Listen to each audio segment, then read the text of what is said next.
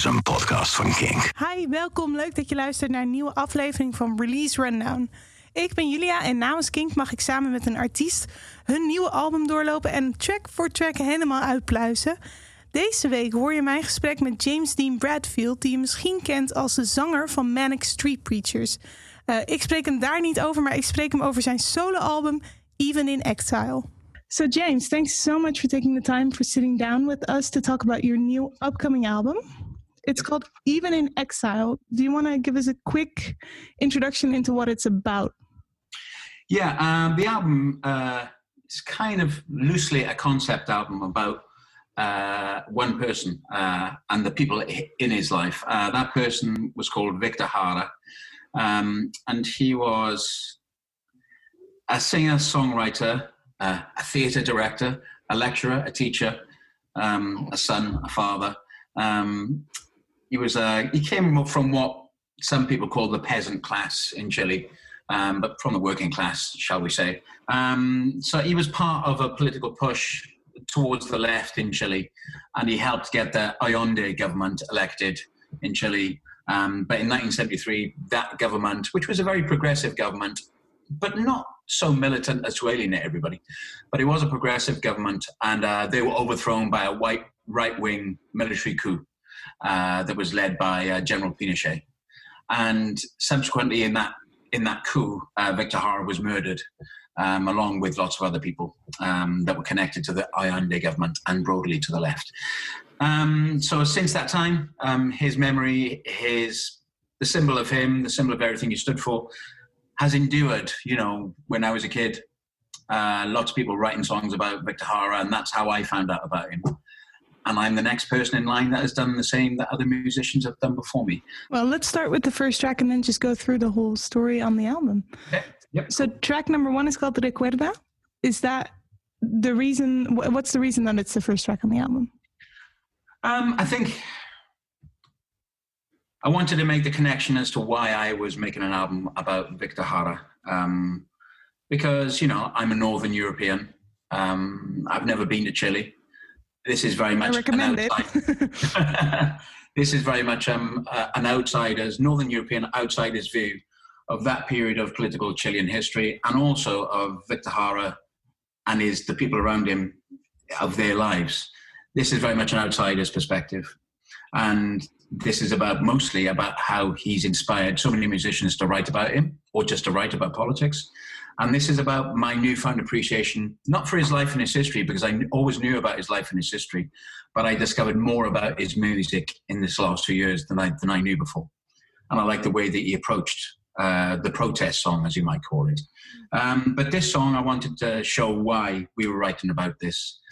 Um, perhaps it's because it's what you might call psychogeographic empathy, where sometimes sensibilities, history, uh, ideologies, um, coincidence, they all travel across hemispheres, continents, decades. Because it's very strange, you know, Wales has one of the only music festivals in the world which is uh, dedicated to Victor Jara. Yeah, so I saw every that. Year, yeah, there's a festival in a place called uh, Machynlleth uh, in North Wales. So in Machynlleth, there is um, a, a, a, musical festival dedicated to Victor Jara once every year, and that's one of the only countries in the world outside of Spanish, the Spanish-speaking world, where this happens. Um, and Dafydd Iwan, who is a Welsh politician and a Welsh singer-songwriter, he wrote a song called uh, uh, Can Victor Jara. Uh, Can in Welsh means sang, a song. So Can Victor Jara. Um, and up road from there is a very famous place uh, called uh, Lake, Tro- Lake Tryweryn, where a, a, a, valley was flooded um, so a city in England could be supplied with water. Um, so there, there are kind of echoes that go through this. That how is it that Machynlleth connects to Victor Jara? Perhaps it's because of the injustice that, that's happened in Wales to a certain degree. Um, that's just one example. Perhaps it's just these, the way that somebody that is so universal stretches across all these boundaries, across time and across hemispheres and across continents. Um, and we just want to show that people connect to Victor, to Victor Jara because he does try to voice people that are dispossessed. Um, so that's what this song tries to signal. Recuerda when they come to your door with their laws and their guns. When they take away our daughters and lead away our sons. Recuerda that you Nixon Pinochet have the land of the free. Disappeared those who would not obey in the name of liberty.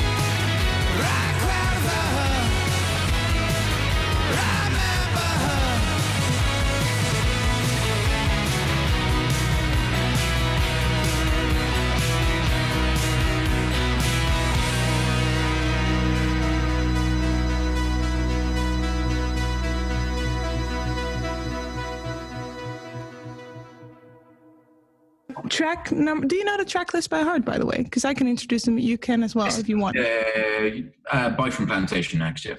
That is track number two. Yeah. Um. So I feel like this song is the biggest introduction to who Victor Jara was as a child and who he became to be. Is that correct? Yes.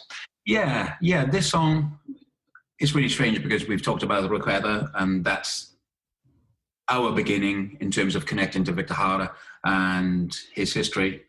And then The Boy from the Plantation, the second track, is about his start in life.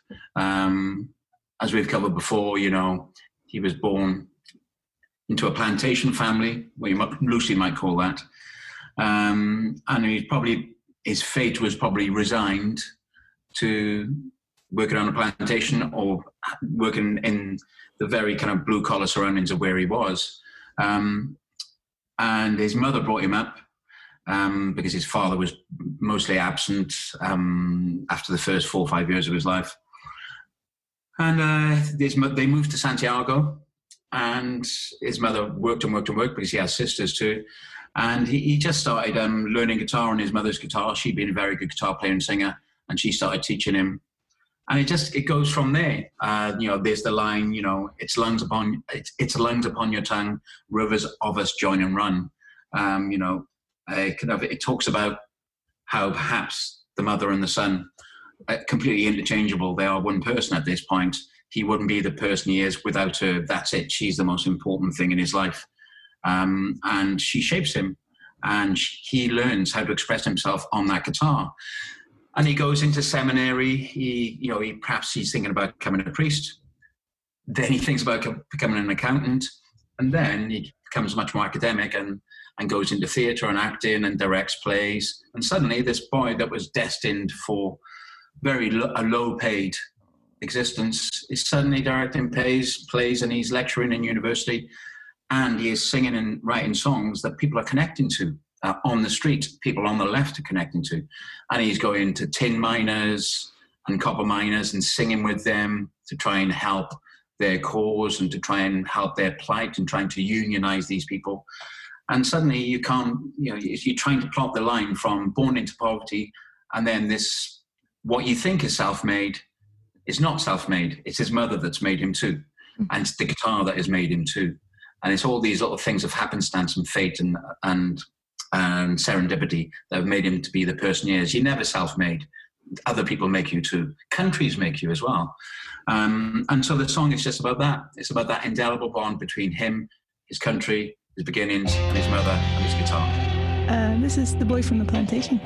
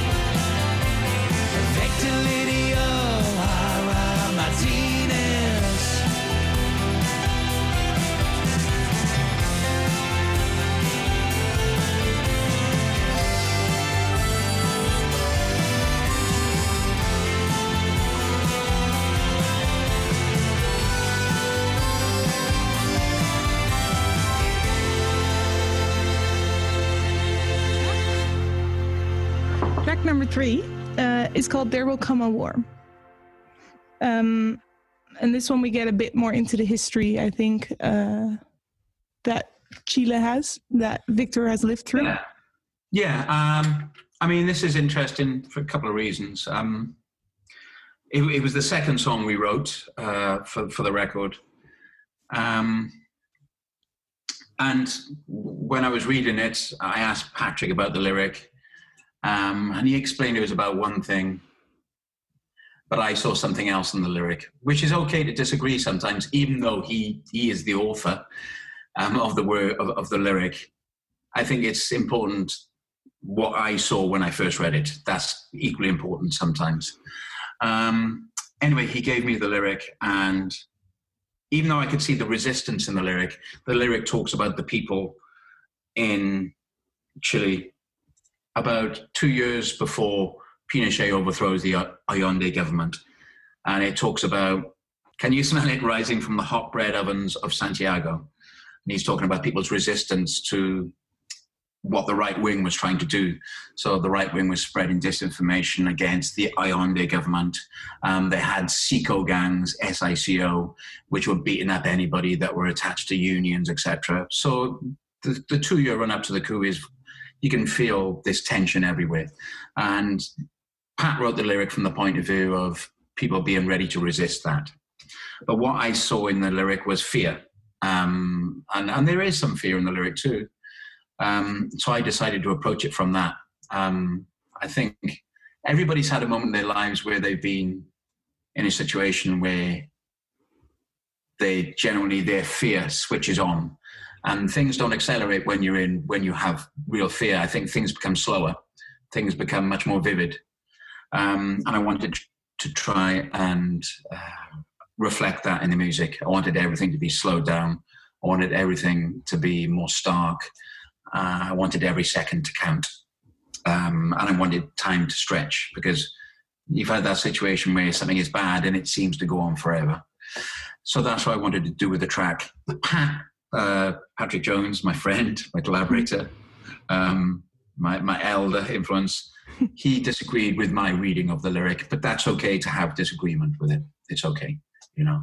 Um, so this was the first song where I decided where I was going to use double bass on the record um, quite liberally.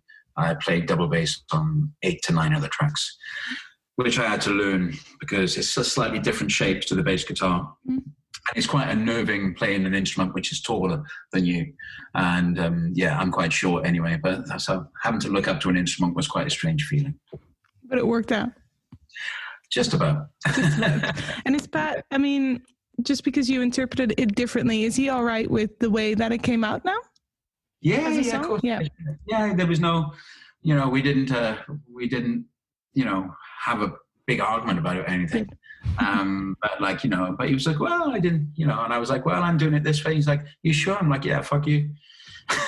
said, like, all right, we'll see how it goes. Yeah. Okay. Yeah, but in, in nice. It's cool. okay, let's listen to There Will Come a War.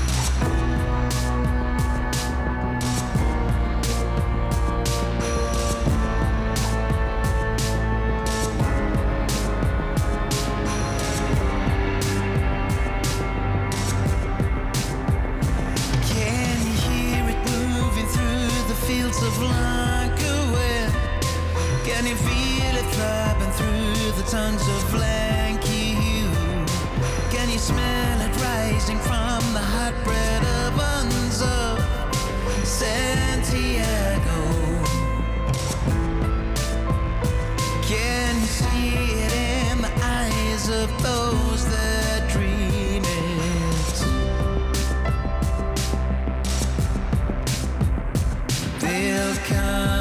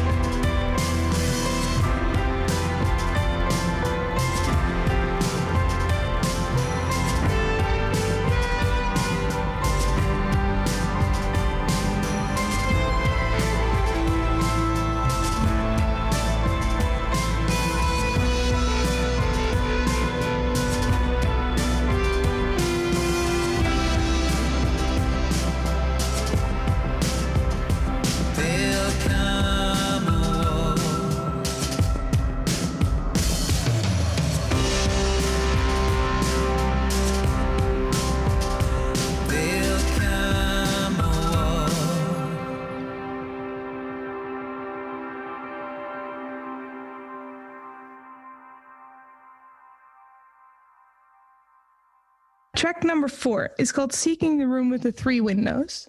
Yes. And if I'm correct, it's based off of one of the most famous photographs there is of Victor Jara, which is not ironically in Chile, but in Machu Picchu in Peru. Yes. Um, yeah, I mean, this uh, piece of music came towards the end of making the album. Uh, it's one of the last tracks. Um, and there was this file of stuff that Patrick had given me um, of pictures, titles, uh, little snippets of poems that were started and abandoned. And then I would say, oh, can you restart this poem? You know, et cetera, et cetera.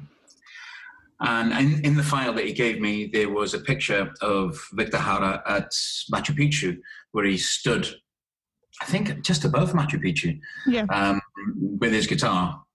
And immediately you're impressed by the fact that I find it hard carrying a rucksack up a mountain. I go up, I go, I go up a lot of mountains. He carried his fucking guitar all the way up there. I'm like, well, you know, you get points for that. Um, I have a friend that went to Machu. Well, Sean in the band has been to Machu Picchu, and it, it's you know the the air gets very thin. Yeah, it's not easy. No, No, you've done it too, yeah. no, I haven't, but um, I've considered it, and it's hard. Yeah. right. Well, Yeah.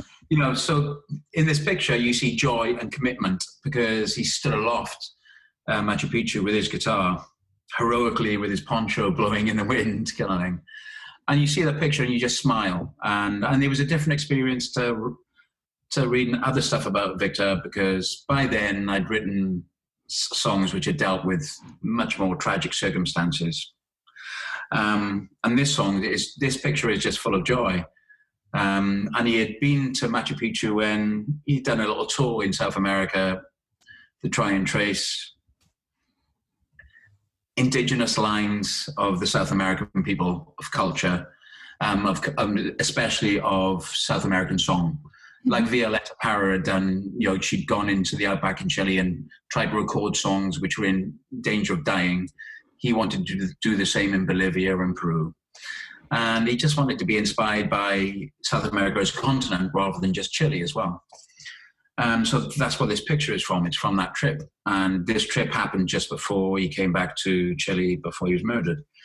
Um, so there's that there too. But I just wanted, you know, I saw the picture, I saw the title that, that Patrick had given it, um, and I decided just to do music, uh, just to do a, a sorry, an instrumental. Because for me the picture had such a organic futuristic feel about it. It's, it feels in the past but it somehow feels in the future. Um, it's all bucolic and it has nature all around it but you have this ancient but beautiful modern civilization you know slapped in the middle of you know the nature itself and you have his guitar and you feel as if he's just grasping a future which he feels is just in front of him So I just wrote a tune based around that because it felt inspirational and I didn't want any other subtext except for his joy, his feeling of possibility, his feeling of just thinking, I can do this, we can do this together.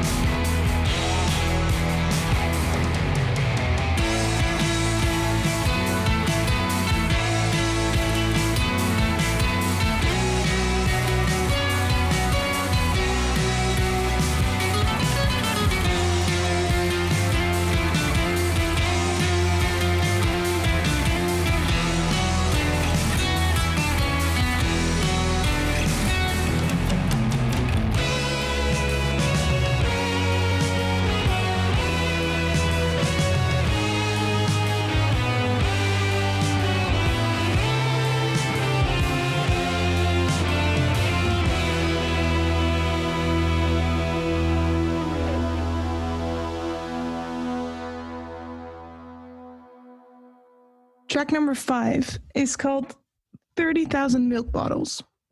Um, And this one weighs in heavy to the, the sad history that Chile had to go through, basically. At least the title does. Yes, I mean, kind of uh, the, uh, the estimate on the disappeared, um, the disappeared being a term in Chile of people that were disappeared before uh, the Allende government was overthrown and after, especially. Um, the amount of people that were murdered or killed or that died in poverty as a result of General Pinochet and his right wing takeover of Chile. Mm-hmm. Um, the estimate is 30,000 people um, were disappeared or murdered or, or kind of died as, as a result of what the right wing had done there. Um, so that's, it may be a conservative estimate, some people say. Um, and Patrick uh, fused it with the symbol of a milk bottle because uh, one of the uh, little symbolic things that the Allende government did was that it gave all children free milk and you know free school you know in school. And of course you know Pinochet got rid of that straight away um, apparently. And that uh, echoes with something that happened in Britain under Margaret Thatcher. Uh, one of the first things she did in government was uh, she got rid of free milk for children and I know it seems like a very simple tokenistic little symbol but you know if anybody has children, knows the obsession with feeding children milk to, to build their calcium in their bones. And when a politician just takes it away, it just speaks to the most, it speaks to the crudest and the most cold-hearted thing you can do, you know. Uh, so, I mean, fused the two. Uh, he fused the two symbols together for this song, um, and it, this song was inspired by John Cale, who's one of my favorite artists. He was from the Velvet Underground. He was from Wales, and um, yeah, this has kind of got a bit of a John Cale feel to it.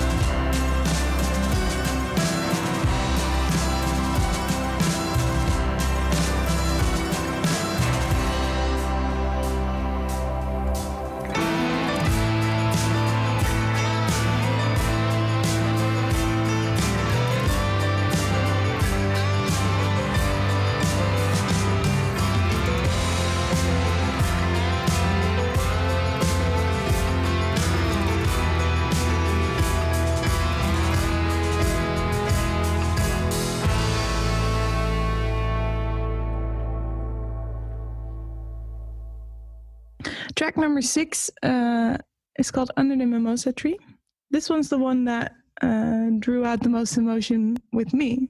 And obviously, yeah. that's personal for everyone, but I really um, felt a vivid image, which might be because of my history with the country, what it's about, but it, it really triggered my memories. And uh, I really love that song. But what's it about? Um, well, kind of, you know, kind of already, you know, we've talked about we've talked about two songs that have perhaps quite stark political references in them. Um, and I, but I just wanted to write about life. I didn't want to write about a politician and an activist um, because, and that's a massive part of Victor Jara and Joan Jara and Allende's life. You can't wash the politics out of it, so, that, so I would never try to.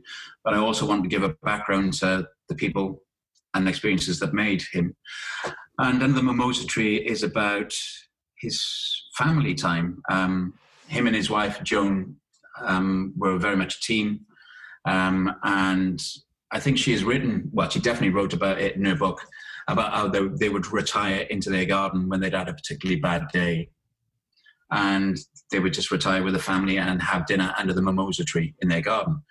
And I just, for, for me, I'm 51 years old, you know, I've, I've managed to discover quite a long time ago that the best times I have are the simplest times, really. Um, and I like that connection you can make with Joan's writing, where she she describes a day where they just retired to, to, to have dinner under the mimosa tree with the children, with her and with him.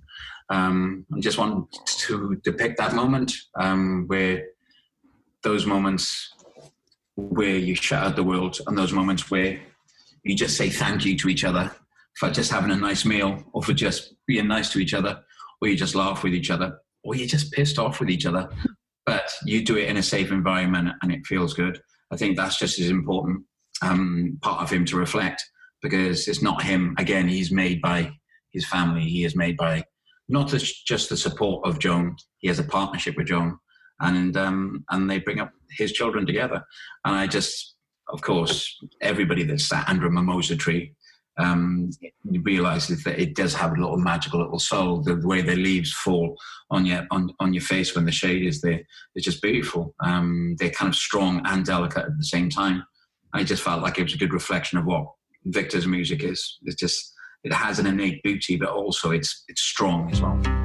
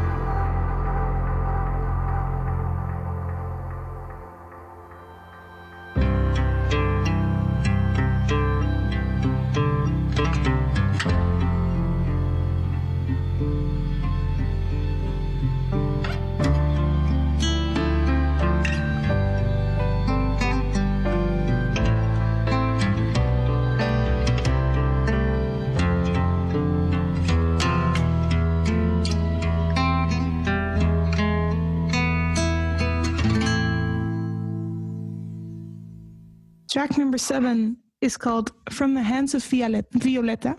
Uh. And you've mentioned her a couple times before, but this is actually the one track that um, outrightly mentions her. Yeah. Um, I don't know if I'm playing like a the amateur psychologist here, but it feels like it. Fe- it feels like he kind of projects himself onto Violeta to a certain degree um, in tiny bit of mother surrogacy, um, where he, he described how much she had, she had influenced him, etc., etc. In a cultural sense, is all I mean. You know, it feels as if he's given her the matriarchal kind of like symbol of being she is the mother of Chilean folk reinvention. She is the one that's protected it. She is the one that deserves the credit, and he flourishes under what she has created. Um, and so, of course, that got me interested, and I, I, I went back and discovered a lot of her music. Um, and then you discover her story, and of course, there's always going to be tragedy at the end. It always fucking is, isn't it? Kind of thing um, you know, because people that tend to do amazing things, like you know, like like you know herself and Victor in Chile, it tends to end badly, unfortunately. Yeah. Um, and I went back and discovered some of her music, and uh, again, I was just blown away by it. I was blown away by how it's very different to the way a modern acoustic artist tries to bear their soul. Uh, I, th- I, th- I think we are very we caricature ourselves sometimes. We have to make our voice cracked to, to show our vulnerability. But somebody like Violeta Parra just sings quite strongly, but there's still a vulnerability in her voice. And there's a shakiness there because the emotion courses through her veins. You can hear her trying to control the emotion. So that makes her more vulnerable. It's not that kind of quiet, hushed kind of vulnerability. It's it's quite shaken um, and her music just again just speared me straight away and i can see the direct connection between her the way she sings and the way victor sang i can see how it's very connected because they sing in the same register Hmm. um, um, so and then i went and discovered a lot of her paintings you know i saw the achievement of how she was uh, exhibited in the louvre in kind of paris and just like fucking hell what a journey she had. Unbelievable. Um, so, and then, you know, uh, I started looking at this film that had been made about her, a biopic, and I couldn't really get a sense of what I was looking at. So I, I just went back and looked at her paintings and her songs again, and um, just realized that for her not to for her not to be in the record would have been wrong because she's part of the reason why Victor flourishes. I think.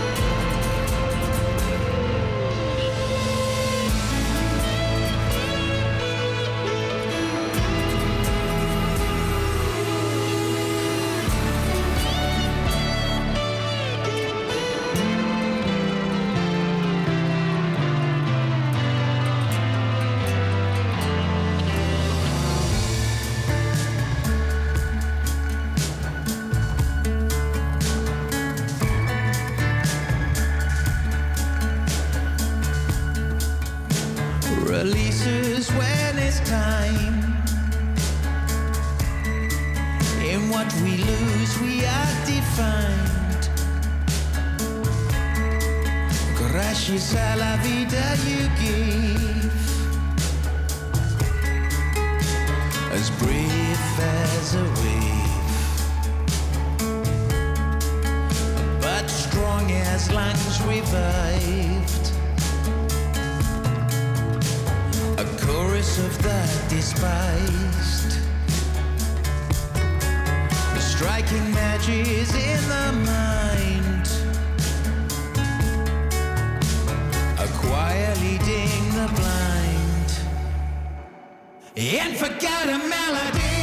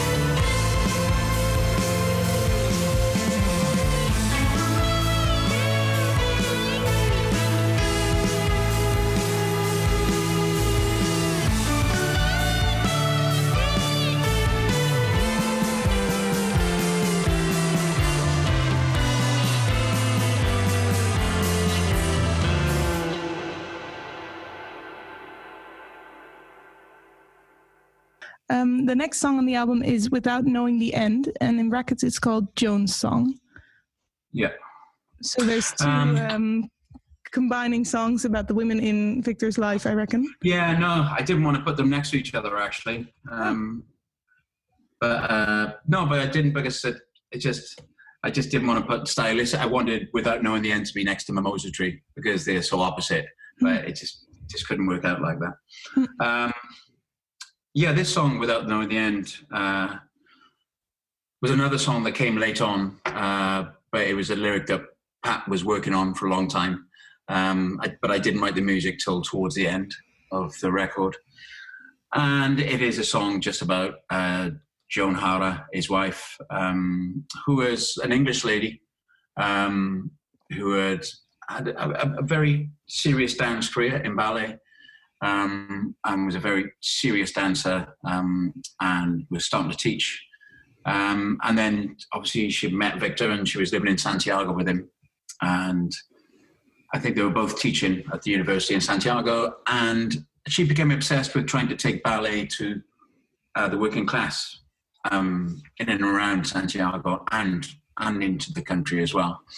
Um, and I like that. I like that conviction where you can stand behind banners, uh, you can write songs, um, you can write speeches. But I love the fact that she was taking the physical act of ballet to kids that had never even seen a fucking ballet. Um, she was taking this movement, a physical act, to kids and saying, "No, what about this?" They would never thought about it. Um, I love that commitment Um, she described trying to teach kids ballet in the street and seeing their feet bleed because they couldn't, uh, they didn't have the conditions to do so. You know, they couldn't, they couldn't uh, dance on, on, on pine wood panel floors, etc. It was on asphalt, it was on concrete. Um, and I love that. I love that kind of, uh, I, I love that idea of, of just this slightly jarring image of Victor Jara in Peru with his guitar, Joan teaching ballet in the kind of the ghettos in Chile kind of thing. I love the idea of these things where they went outside of their comfort zones. They were they kind of they they really really had commitment to what they believed. Um, had the kind of commitment which is hard for me to imagine at all. Um, um, just that the act of just going to these places and trying to teach ballet and just trying to just convince people that it's a worthwhile thing to do. That's before they've even even done the physical act of it. So the song is all about her, and the song is about her bravery. The song is about the fact that uh, she leaves Chile after you know Victor is murdered. She takes the children with her, you know, and then she goes back to Chile. She doesn't abandon Chile. She is a very English lady, but she goes back to Chile and she still lives there to this day. You know, she connected to the place. Um, she lost in Chile. Um, she faced murder in Chile. You know, she suffered grief of the most terrible kind in Chile. But she still fucking went back and she still lives there to this day. Um, so both of them, you know, Victor and Joan, they show a commitment and a bravery which uh, I, I don't think I've got in myself really.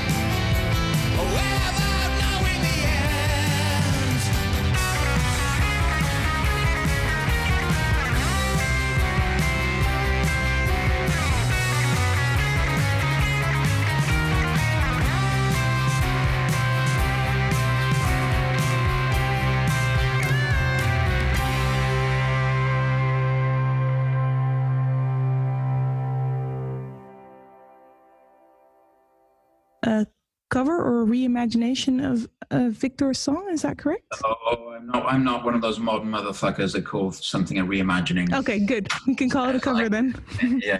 because, yeah. uh, Okay. No, it's a cover. Um, there was freedom.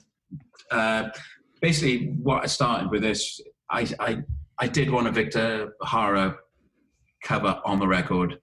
Um, I wanted to sing one of his songs for obvious reasons because he inspires the old record. So I wanted to see what some of his music could inspire on our record, Mhm. my record.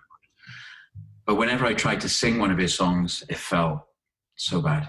Um, uh, I tried to sing Manifesto, a song by Victor Jara. I tried to sing a song, uh, Preguntas por Puerto Montt. Mhm. Uh, I tried to sing a song called um, uh, Rocada Te, Te Amanda, uh, kind of.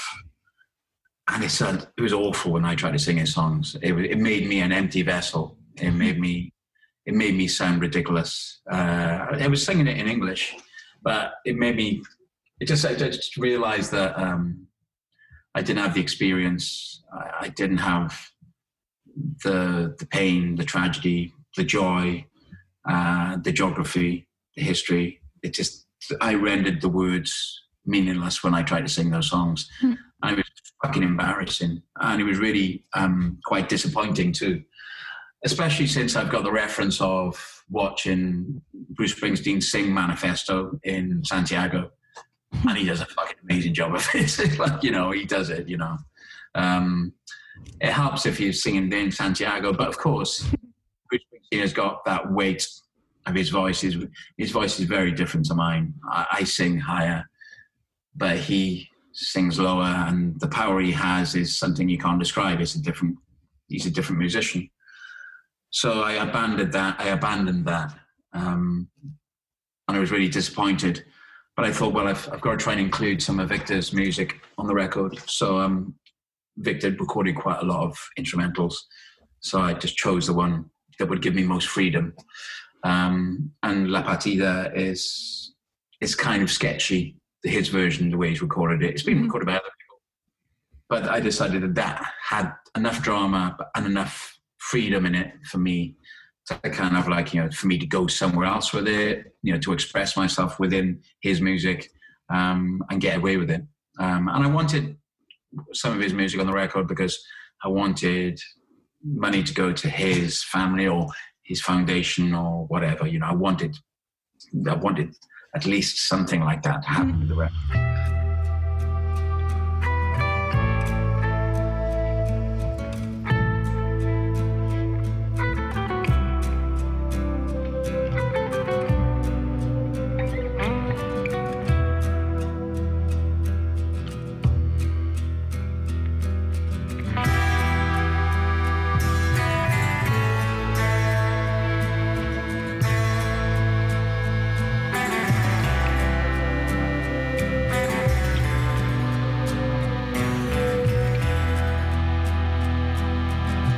Next song on the album is called La Partida, and I believe it's.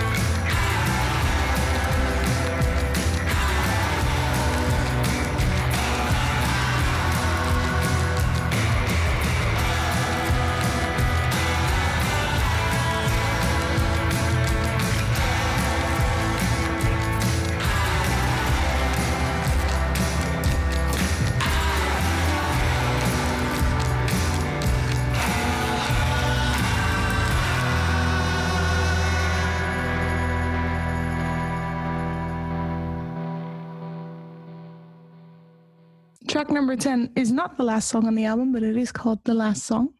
Yeah, I mean, um, uh, the last song deals with how he must have felt as soon as he landed back from Peru back into Chile. Um, it's not necessarily about the last lyric that he wrote in the stadium um, that was passed on to other people and survived his murder. It's not particularly about that last day. Um, it's, but it, it's you know there are definitely elements of you know you know that is folded into the lyric undoubtedly, but it's about that period from where he landed and he's quoted as saying the era changed as soon as he landed. He knew something, you know, was was going to go either wrong or right in Chile.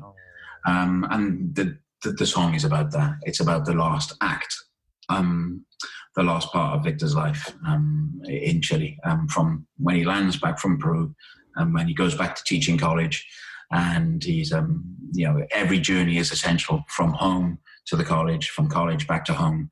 Everything is fraught with danger. Fraught with danger. Every day is fraught with danger from that day on. From that day onward. Yeah, I think I don't know if everyone listening to this um, knows the Chilean history in so much detail, but it's important to know that Allende, who was the president at the time and a good friend of Victor Jara, yes, was obviously getting into trouble because of the right wing uh, party, which was headed by Pinochet, Pinochet um, yeah. who later overthrew the government with a military coup um, and murdered an unspeakable amount of people. Yeah, Yeah. including Victor Jara in a um, imprisonment of a, a whole bunch of people in an arena in Santiago in a, Yeah. football stadium.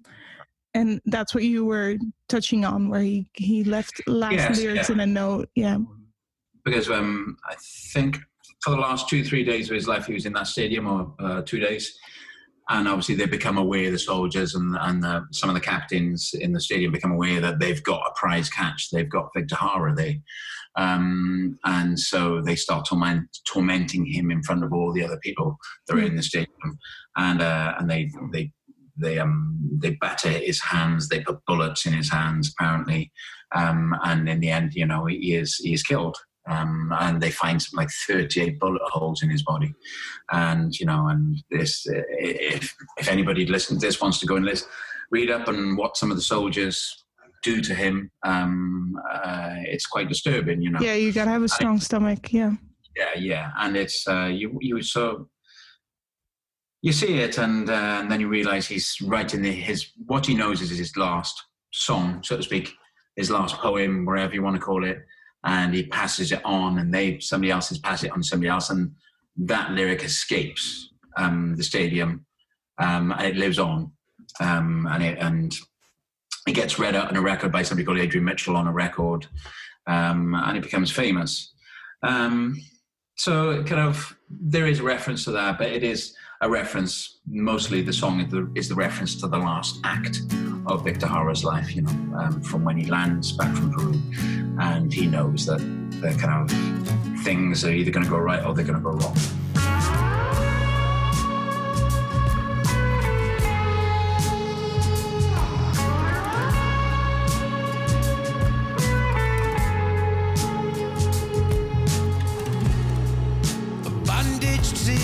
Citizens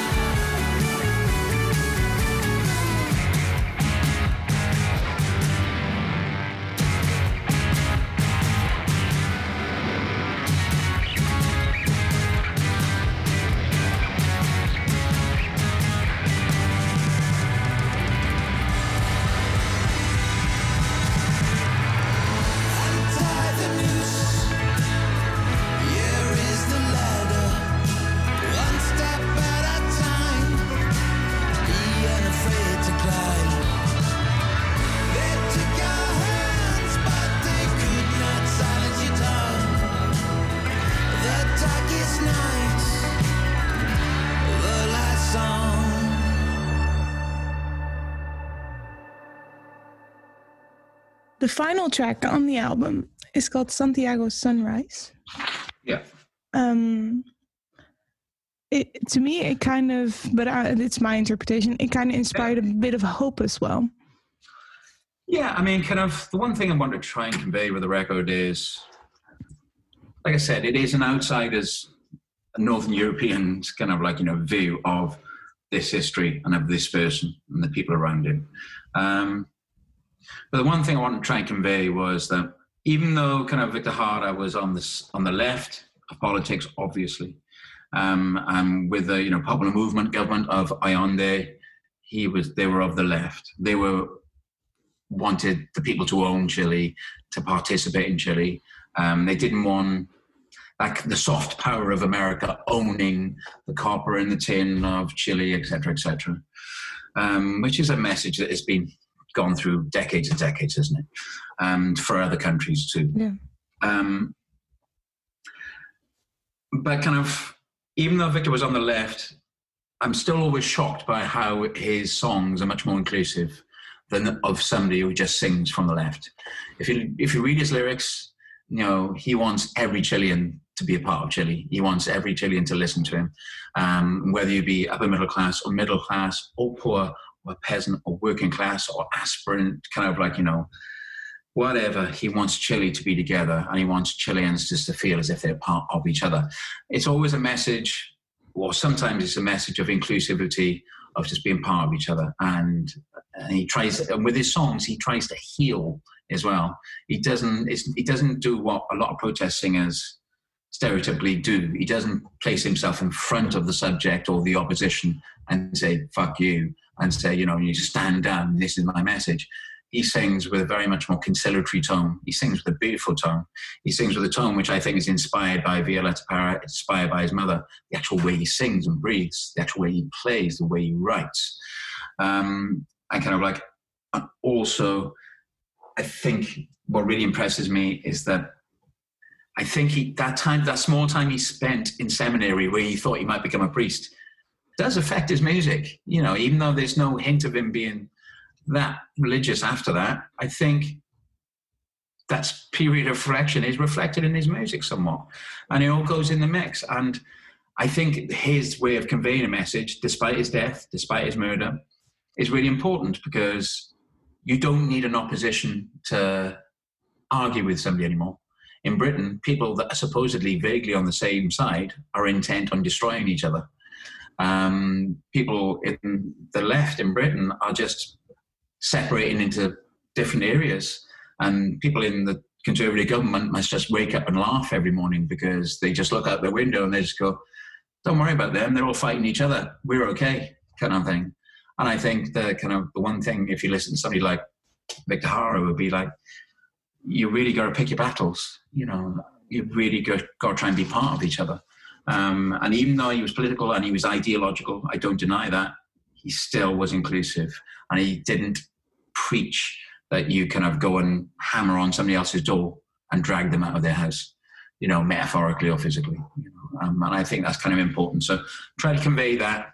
Try to convey that the sentinels of his memory are, you know, Violeta Parra, Allende, and the way he sang his songs. And um, people were singing his songs in Plaza Italia in Santiago a year ago. 5,000 people just singing Victor Jara songs uh, just means that kind of you know you, you cannot diminish the humanity of what he was and what his songs were.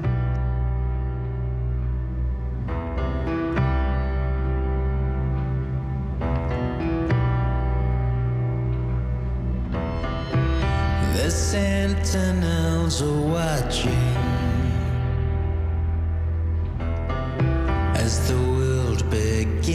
its day.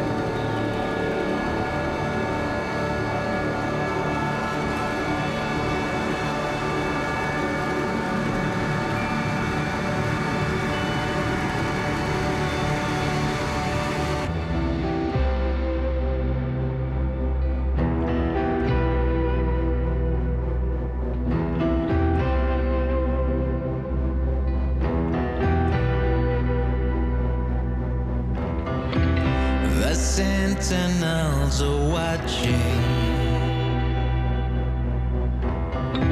as the world closes its eyes.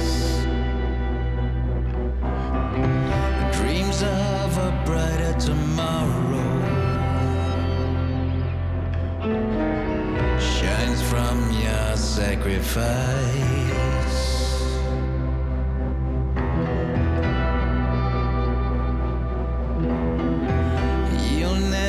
across the river.